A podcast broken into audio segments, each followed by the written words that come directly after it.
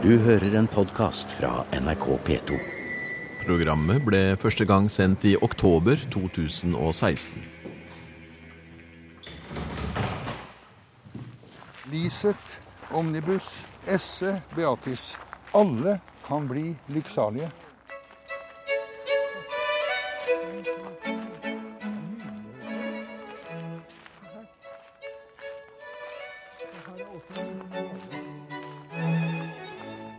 Vi spaserer i den praktfulle barokkhaven på prestegården i Spydeberg i Østfold. Til dette stedet knyttes et navn. Jakob Nikolai Wilse. Født i Lemvik vest på Jylland i 1735. På en slank bautastein sentralt i haven står livsmottoet hans på latin. Det er opplysningsmannen Vilse museum skal handle om i dag.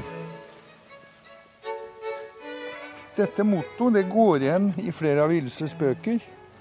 Og det er på en måte hans kombinasjon av teologi og politikk. Alle kan bli lykksalige. Dvs. Si, ikke bare lykkelige og glad og oppstemte. Og heller ikke bare ha forhåpninger om det evige liv, men på en måte bringe det himmelske inn på jorden. Og jorden med inn i det himmelske som velstand.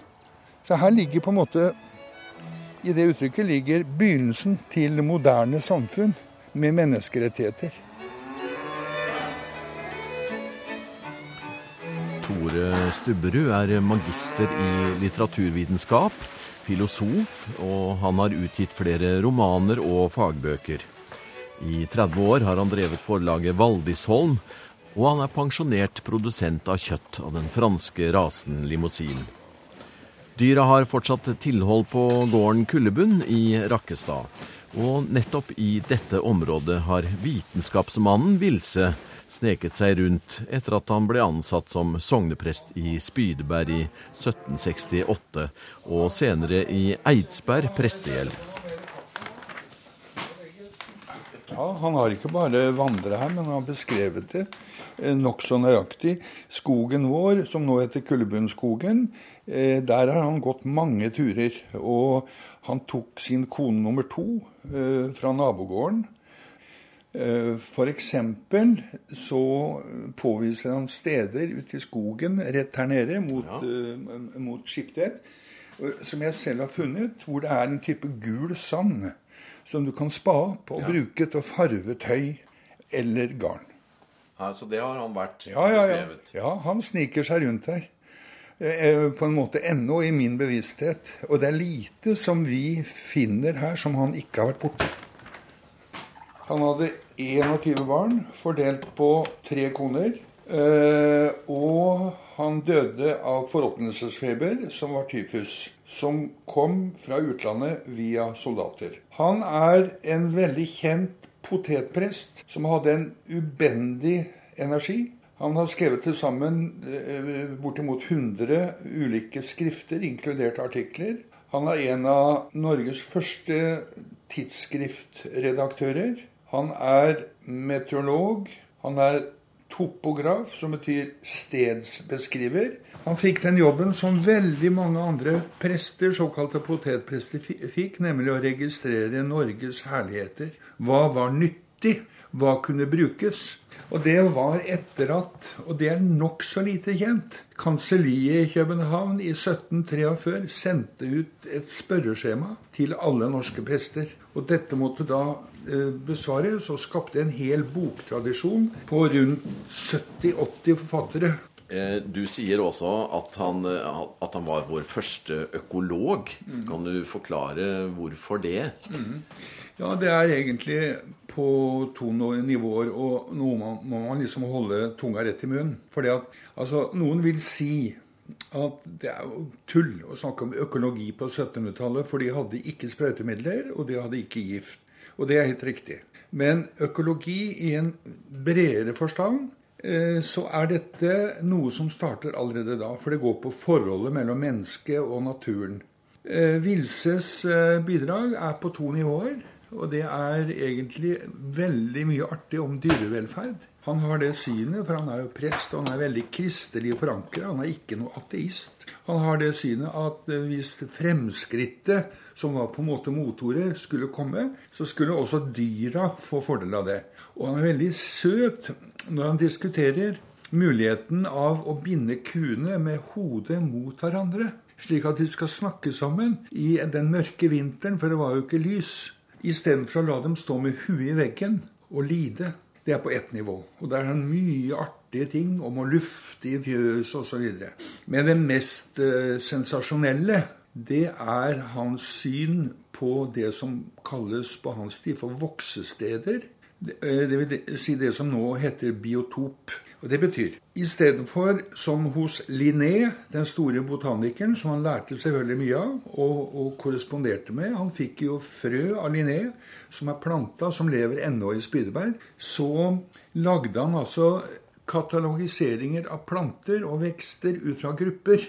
Nemlig elleve kunne vokse der hvor det er veldig tørt. Noen kunne vokse der hvor det er veldig vått. Så han lagde egentlig begrepet biotop 125 år før begrepet oppsto, og det oppsto i Tyskland hos Alexander von Humboldt, som er en verdenskanon. Men Vilse var før ute.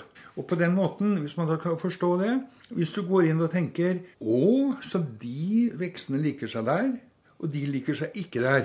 Da må du få noe som heter optimale voksesteder. Og da er du midt inne i debatten om regnskogen, hvor du ødelegger en masse natur og ødelegger biotopene, slik at naturen ikke kan fortsette. Det er det, er geniale hos Vilse, og hvor han er veldig tidlig ute.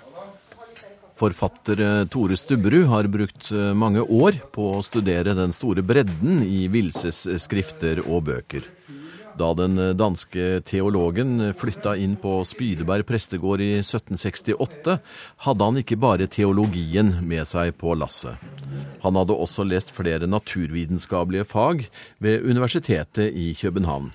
Interessen for naturvitenskap hadde han fra barndommen, og vi skal senere i programmet til den lille bygda Sønnbjerg på Jylland for å høre mer om det. Nå har Stubberud ferdig både en stor biografi om Vilse og skrifter i utvalg. Et av de områdene presten har gjort seg bemerka, også internasjonalt, er utviklinga av meteorologiske symboler. Men det, han, det som var hans gjennombrudd, hvor han er genial, det er en bok som kom ut i 1778 om værtegn. Den heter Meteografia compendiosa som betyr en oversikt over værtegn. Og der gjorde han noe som ingen har gjort før. Han oppfant på en måte IT flere hundre år før IT. Han fikk etablert, som andre, et system av værvarslingsstasjoner, i alt 39 over hele verden. Og da kunne han sende, og det gjorde han eh, gjennom mange år, først i Spydeberg og så i Eidsberg, eh, tegn som han tegnet og som viste været på Spydberg uten at du kunne norsk eller latin eller spansk eller tysk. Så dette ble innført og ble brukt av meteorologene over hele verden. Hvis du så det ene tegnet, så betydde det i dag hagler det, det er vindstyrke fire, og temperaturen er det og det. Så eh, dette brukes i litt endrede former av eh, meteorologer den dag i dag. Eh, se her. Her har du altså forsatsen til min Vilse-biografi, ja. hvor vi bruker et, en kopi av dette verket. og hvis du ser her, så er det ulike vindstyrker ja, angitt ved tegn. Ja. Hvis du ser her, så forteller han hvor mye det har snødd den natta. Og hvis du ser her oppe, ja, så er det retningen på vinden. Ja. Og hvis du ser her oppe, så har du også eh, temperaturangivelser. Dette er egentlig Vilses gjennombrudd i Europa. Så han sitter eh, på prestegården i Spydeberg ja. i Østfold og plundrer med det greiene her.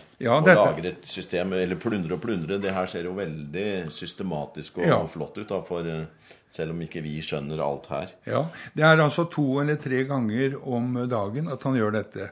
Og det morsomme er da at han er jo blakk. Han er jo en liten norsk prest.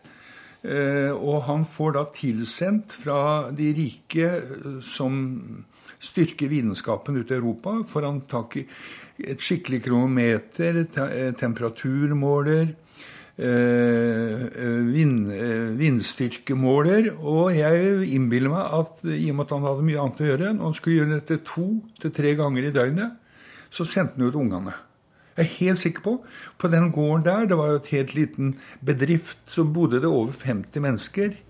Og det er klart at det var ikke så vanskelig. Det var bare å finne tid til det og gjøre det riktig. Og gjøre det noen få ganger. For det er jo helt mekanisk. Eh, og så skrev han ned tegnene, sendte det videre til København, hvor han hadde en kontakt. Og så gikk det derfra ut i verden.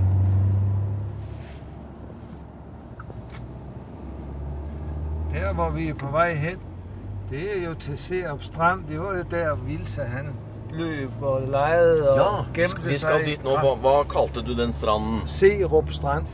Det var der Nikolai Vilse lytta på konkyliene.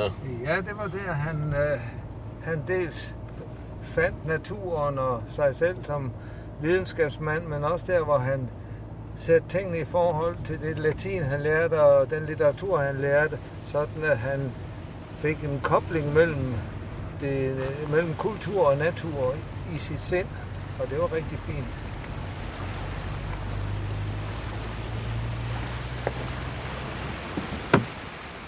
Birte og Eskil Høygård bruker mye tid på å formidle historien om Vilse til sine landsmenn. De to pensjonerte lærerne er blant mange frivillige på Tyholm Engsmuseum, hvor Vilse har sin plass. Her er det etablert en vilsehage etter inspirasjon fra den hagen Vilse anla i Spydeberg, annet med planter han hadde tatt med fra Danmark. Nå er vi altså på Serup strand, hvor Jakob Nikolai som ung gutt studerte og noterte alt han så i naturen. Han sad her i bakkerne, og han eh, skrev ned, hva han så, og hva han opplevde, og noterede det hele om fuglene, og om, og om eh, hva der var av fisk og dyr og, og blomster og alt, og hva man kunne bruke det til. Og som barn der lavede han et apotek øh, derhjemme, og han prøvede på å lave et geologisk museum osv. I 1752 der blir han øh, student, og så øh, skal han til København Ja, og læse, hvor han kommer over Ja. og bo hos sin øh, Ja. moster. Og der, øh, der vil faren jo have, at han skal læse til præst, og han vil selv være videnskabsmand. Men i første omgang, der bliver han altså nødt til at læse til præst. Øh, da han er næsten færdig efter et år, og der tror jeg, han er 19 år på det tidspunkt, da han er færdig med det første, der kommer han tilbage, øh, skulle gerne tilbage hertil og hjælpe sin far, øh, men det vil han ikke. Nei. Nej, og det var ellers aftalt med biskoppen, at han kunne komme tilbage og, og være her og hjælpe. Ja. Men så får han lov til at blive i København og studere alle de der mange andre ting, han rigtig gerne, Ja. vil, øh, rigtig gerne vil. Ved 1768, øh, der får han så endelig et præstekald i, øh, i Spydeberg. Han har en øh, morbror. Han har været deroppe i Spydeberg og Eidsberg tidligere på besøg, for en af hans morbrødre var præst i øh, Eidsberg. Å ja. Ja, så han hadde vært der tidligere. Ja, Så han kjente stedet, ja han kendte og han ville tilbake. Ja, Ja. det ville han gerne. Kan vi si at Vilse eh, var et slags vidunderbarn? Han, han utmerka seg i forhold til sine, eh, til sine venner, eh, vil jeg tro. Det gør han da i høy grad, fordi han var så interesseret i alting og beskrev alting meget utførlig. Og det er da også grunnen til, at vi eksempel her i den beskrivelse, han selv har lavet allerede i 1762, øh, omkring hvordan man boede øh, her på Tyholm, hvad der var af dyr og hvad man oplevede af ting og sager, øh, hvordan man blev kureret osv.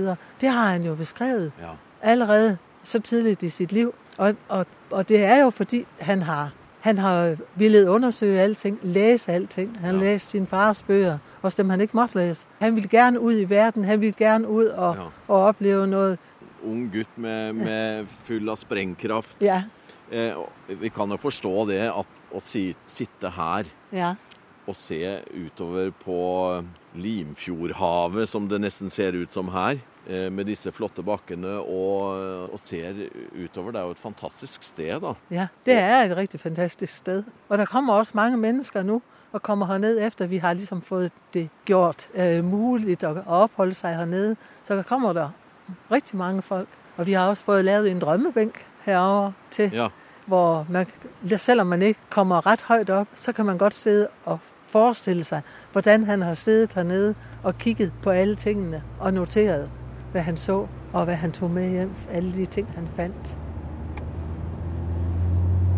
Nå forlater vi stranda og kjører den eh, smale kjerreveien som går midt på eh, jordene over bakkehellinga og mot Sønnbjerg Sønbjerg og museet der. Her står det Sønbjerg, ja. Ja, og det er nettopp der, han voksede opp da han kom fra Lemvia og, og hertil.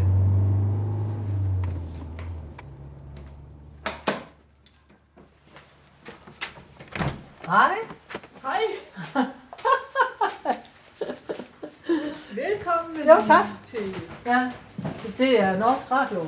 Okay. Ja, i forbindelse med, med Vilse. Her har vi jo et billede Ja, af vi, Se der, ja. ja, Det er den eh, raderingen. Professor Jakob Nikolai Wilse, Vilse, sogneprest i Spydeberg. Du, det var flott. ja.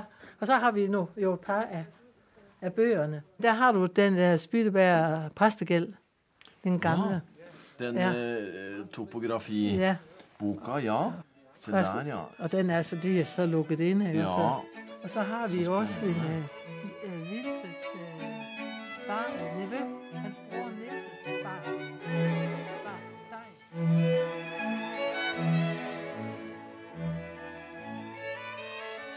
Ja, Jeg har, jeg har i bilen. Ja, den er jeg. Da går vi ut. Da får du hilse kyllingene, Marit. Kjøper du noe mat i dag? Eller? Når solen skinner, vil allting smile. Det er grunntanken i opplysningen. Det er grunntanken også i hans eh, liv som kristen. Det er fornuften, det er Guds sol, og det er vitenskapen. Og det er den naturlige sola som er livgivende i økologien. Så alt ligger i sola for Vilse. Han er en soldyrker.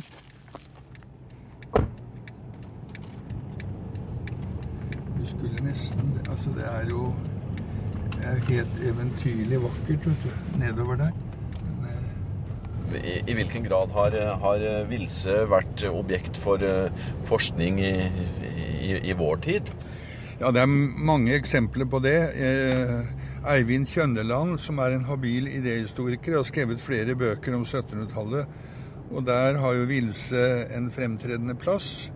John Petter Collett, som har skrevet universitetshistorie, han nevner jo selvfølgelig Vilse som en av forløperne. Eh, Så har du meteorologien, hvor du har bl.a. Eh, forskere som akkurat nå gir ut bøker, og som er klar over Vilses betydning, ikke bare i Norge, men internasjonalt. Nå kjører vi inn i Spydeberg og tar til venstre mot i Det blir sydvestover. Og i retning eh, kommer først til eh, selve hovedkirken, som ligger på høyre side, hvor Vilse var i mange år. Og han betjente også småkirkene rundt der, f.eks. Heli. Eh, og her skrev han jo hovedverket, som er på nesten hva er det, 600-700 sider. Som er helt eh, toneangivende etterpå for hvordan man skal skrive topografisk litteratur. Og det heter om Spydebergs beskrivelse. Og det virker litt rart for oss. Vi kan tenke liksom at det er lokallitteratur, men det er det ikke. For han sier at det har relevans for hele Norge. Og for det man kunne kalle den østlige ein. Det man skal være klar over med topografien, eller stedsbeskrivelsene, at de begynner egentlig som kontrollerte historiske fortellinger. Bl.a. om sjøormen og forskjellig. eh, Og forsøker å huske bakover, men de er bundet opp av teologien. Så de får, lov, de får jo selvfølgelig ikke lov til å skrive om at noe er eldre enn 6000 år. For det er jo da den perioden hvor verden på den tiden har vart. Men det interessante når man arbeider over år med topografisk litteratur, er at man ser de store innslagene som er av tallmateriale. Og eh, man kan si det slik at topografien begynner som historiske fortellinger, men ender egentlig på 1800-tallet over i statistikk. Så det er den statistiske tradisjonen starter på 1700-tallet og blir på en måte egen vitenskap på 1800-tallet. Det betyr ikke at topografien forsvinner, men det betyr på en måte at topografien blir frigjort fra den rene tallmessige fremstilling. Så det er faktisk en fordel, det som har skjedd historisk. Her oppe ligger Spydeberg kirke, ja. Ligger flott til, den òg. Ja. Høyt i terrenget. Og her er det her er topografien, for å bruke begrepet, Absolutt. litt spennende. eh, Selv i det litt flate Østfold. Ja. Nydelig. Så en flott dam, da. Ja, her rodde Vilse eh, med en liten båt. Han, ro, han, ja, han rodde rundt i denne dammen. Og, 50 meter ganger Ja. eh, 15-20. ja, ja, men det var nok for han. Ja. Og der studerte han alle små kryp. Og øh, han hadde også forskjellige karusser og ulike eh, frosker, padder, alt mulig registrerte han. Her er det brukt millioner for å restaurere Vilses hage. Det var jo en hage også før Vilse. I det hele tatt så er haven på Vilses tid det er noe som man anbefaler bøndene å være med på, ja. men som de egentlig har lite grep om. Slik at det er prestestanden og de rike som på en måte driver med haver. Ja. Fordi det gir lite i forhold til hva det koster. Men så, så variert, eh, variert den er. Ja, men her er det to trekk som er åpenbare. Det ene er, så vil du se, at det er enkelte sånne skjønne gjenstander. Der nede er det også en, eh, en, en som ligner på toppen Ja. på en pyramide. Ja.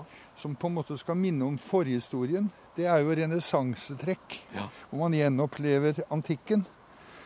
Men botanisk sett så er det noe annet som er viktig. Dette er ikke min spesialitet. Det andre vet mer om dette, selvfølgelig. Men hvis du ser, så er det granbusker og nyttevekster sammen med skjønne roser og Ja. andre blomster. Ja.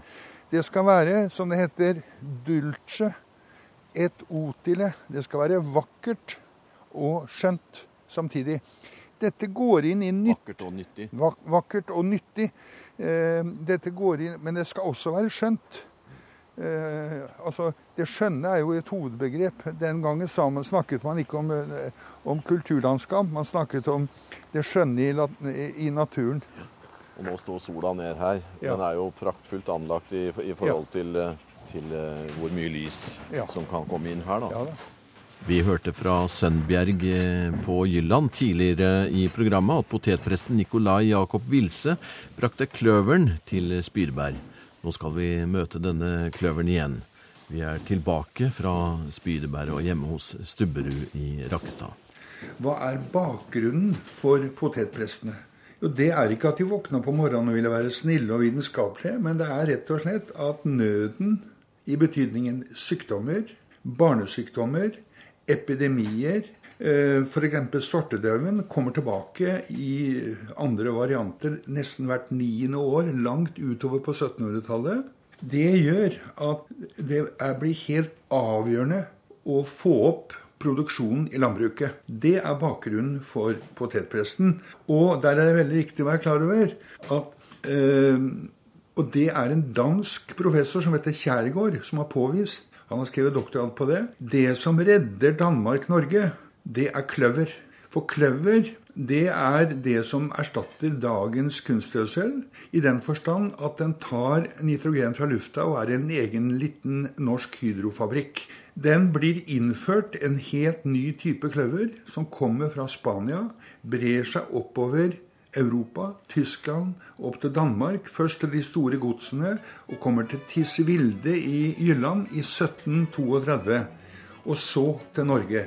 Den øker produksjonen med 25 ute i naturen, på beitene. Og den er helt avgjørende for at Norge og Danmark redder seg, fordi befolkningen hadde økt med ca. fordobling fra om du sier veldig enkelt, fra 1700 blank ja. til 1800 blank. Så det var mange munner å mette.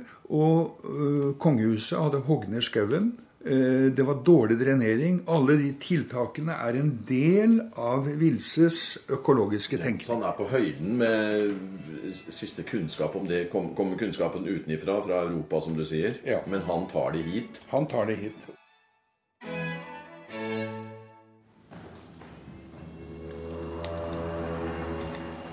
Du har hørt en podkast fra NRK P2.